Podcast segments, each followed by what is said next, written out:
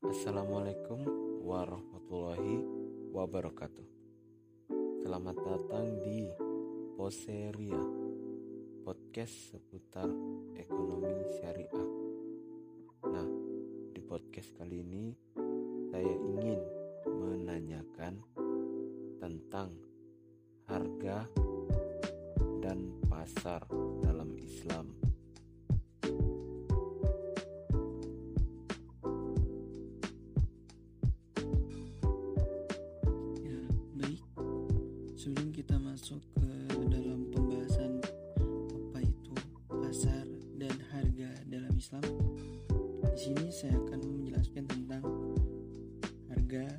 Islam terlebih dahulu. Jadi ini adalah teori ekonomi Islam mengenai harga itu sendiri. Rasulullah SAW bersabda dalam hadis tersebut tidak menentukan harga ini menunjukkan bahwa ketentuan harga itu diserahkan kepada mekanisme pasar yang alamiah.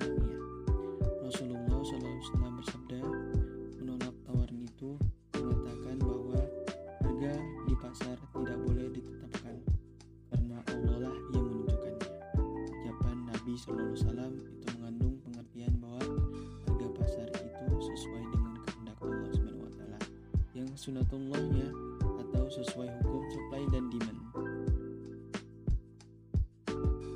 Dan Islam menempatkan pasar pada kedudukan yang paling penting dalam perekonomian. Praktik ekonomi pada masa Rasulullah SAW dan Khulafa Khulafa Khulafa Rashidin menunjukkan adanya peranan pasar yang besar. Rasulullah SAW bersabda, Nah, maaf, Rasulullah SAW sangat menghargai harga yang dibentuk oleh pasar sebagaimana harga yang adil. Beliau menolak adanya price intervention seandainya perubahan harga terjadi karena mekanisme pasar yang wajar. Namun, pasar mengharuskan adanya moralitas. Fair play atau kejujuran, honesty atau keterbukaan, transparansi, dan keadilan, and justice ketika nilai-nilai ini ditegakkan, maka tidak ada alasan untuk menolak harga pasar. Para sahabat dan para imam mazhab juga memberikan pandangan dalam memahami hadis tersebut dan realitas kebijakan Rasulullah SAW dalam menyikapi dinamika harga komoditas perdagangan sebagai berikut. Yang pertama ialah Khalifah Abu Umar bin Khattab berpendapat bahwa dalam ilmu dalam Islam mewajibkan pemerintah untuk melakukan interferensi harga bila kenaikan harga disebabkan oleh distorsi penawaran dan permintaan. Umar eh, Umar bin Khattab pernah menegur seseorang pedagang bernama Habib ibnu Abi Balta'ah karena menjual anggur kering di bawah harga pasar. Seraya berkata, naikkan harga atau daganganmu Imam Abu Hanifah dan Imam Imam Malik Ibnu Anas membolehkan standarisasi harga komoditas tertentu sedangkan syarat utama bahwa standarisasi atau penetapan harga tersebut bertujuan untuk melindungi kepentingan hajat hidup mayoritas masyarakat.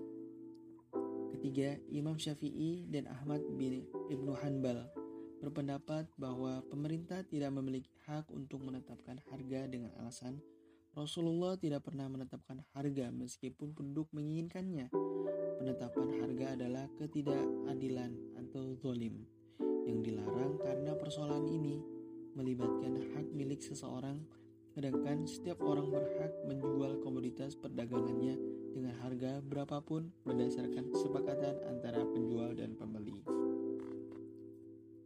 Menurut Rahmat Syafi'i, harga hanya hanya terjadi pada yakni sesuatu yang direlakan dalam akad, baik lebih sedikit, lebih besar, atau sama dengan nilai barang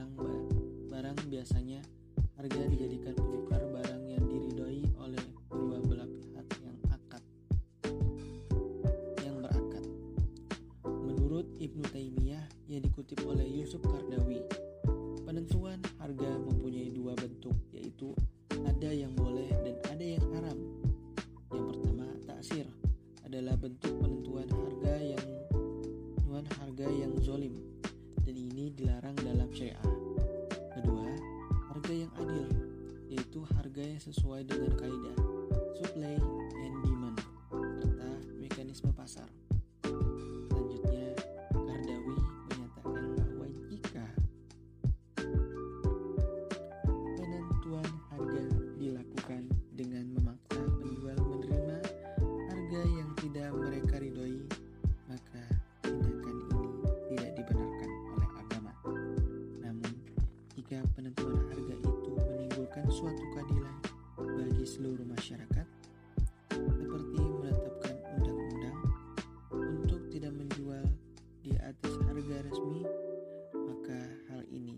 Diperbolehkan dan wajib diterapkan. Menurut Kardawi, jika pedagang menahan suatu barang sementara pembeli membutuhkan barangnya dengan maksud agar pembeli mau membeli dengan harga dua kali lipat harga pertama, dalam kasus ini para pedagang secara sukarela harus menerima penetapan harga oleh pemerintah. Pihak yang berwenang wajib menetapkan harga itu. Dengan demikian, penetapan harga wajib dilakukan agar pedagang menjual harga yang sesuai demi tegaknya keadilan sebagaimana diminta oleh Allah Subhanahu wa taala. Menurut Ibnu Taimiyah, harga ditentukan oleh kekuatan permintaan dan penawaran. Besar kecil kenaikan harga tergantung pada besarnya perubahan transaksi sudah sesuai aturan, kenaikan harga yang terjadi merupakan kehendak Allah Subhanahu wa taala. Menurut Adi Warman Karim bahwa penentuan harga ditentukan oleh kekuatan-kekuatan pasar yaitu kekuatan permintaan dan kekuatan penawaran. Dalam konsep Islam, pertemuan permintaan dengan penawaran tersebut haruslah terjadi secara rela sama rela atau suka sama suka. Tidak ada pihak yang merasa terpaksa untuk melakukan transaksi pada tingkat harga tersebut. Jadi titik pertemuan antara peminta, permintaan dan penawaran yang membentuk harga keseimbangan hendaknya berada dalam keadaan rela sama rela dan tanpa ada paksaan dari salah satu pihak. Dan hal ini sesuai dengan firman Allah yang berbunyi,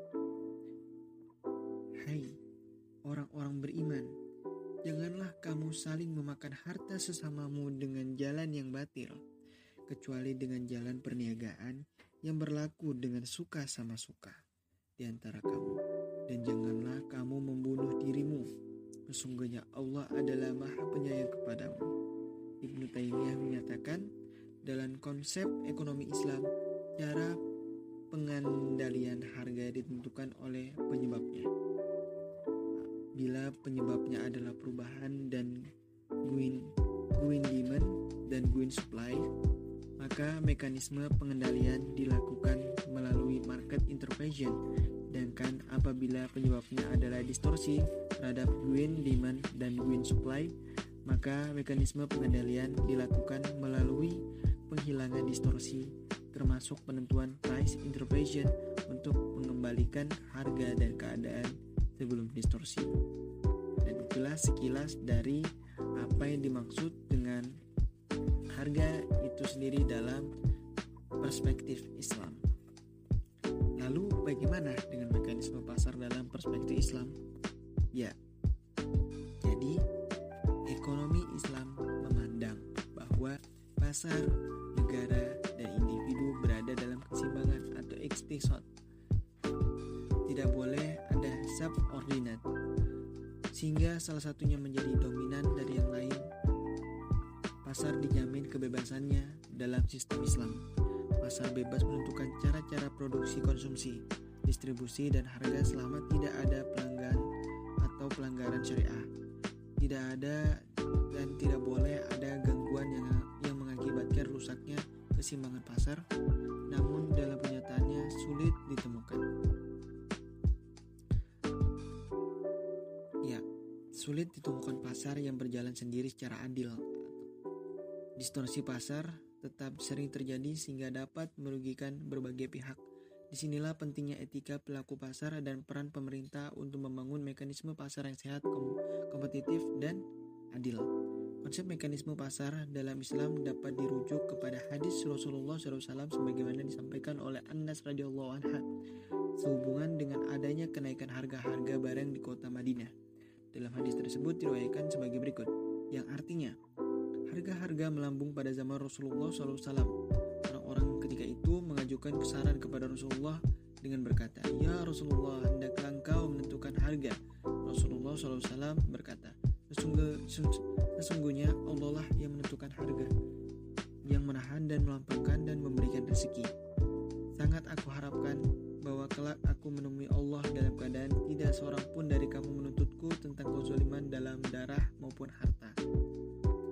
Jawab Rasulullah SAW atas kenaikan harga menunjukkan bahwa seorang penguasa atau pemerintah tidak boleh melakukan intervensi terhadap masalah harga yang menentukan kenaikan atau penurunan harga adalah ya Allah adalah Allah yaitu terkait dengan sunatullah dari Allah misalnya musibah, peceklik, panen serat, panen raya serta keadaan ekonomi setiap individu atau masyarakat. Tingkat harga sesuai sunatullah sesuai dengan tingkatan permintaan demand ataupun penawaran ataupun supply sehingga dalam mekanisme pasar semua pihak dapat menikmati harga secara adil dan secara manusiawi atau fitrah dan tidak terbantahkan setiap manusia dan itulah pembahasan dari apa itu pasar menurut perspektif Islam dan selanjutnya saya serahkan kepada MC sekaligus moderator apakah sudah memahami tentang hal ini? Oke, terima kasih kepada narasumber yang telah menjelaskan. Oke, sekian sekian dari kami. Assalamualaikum warahmatullahi wabarakatuh.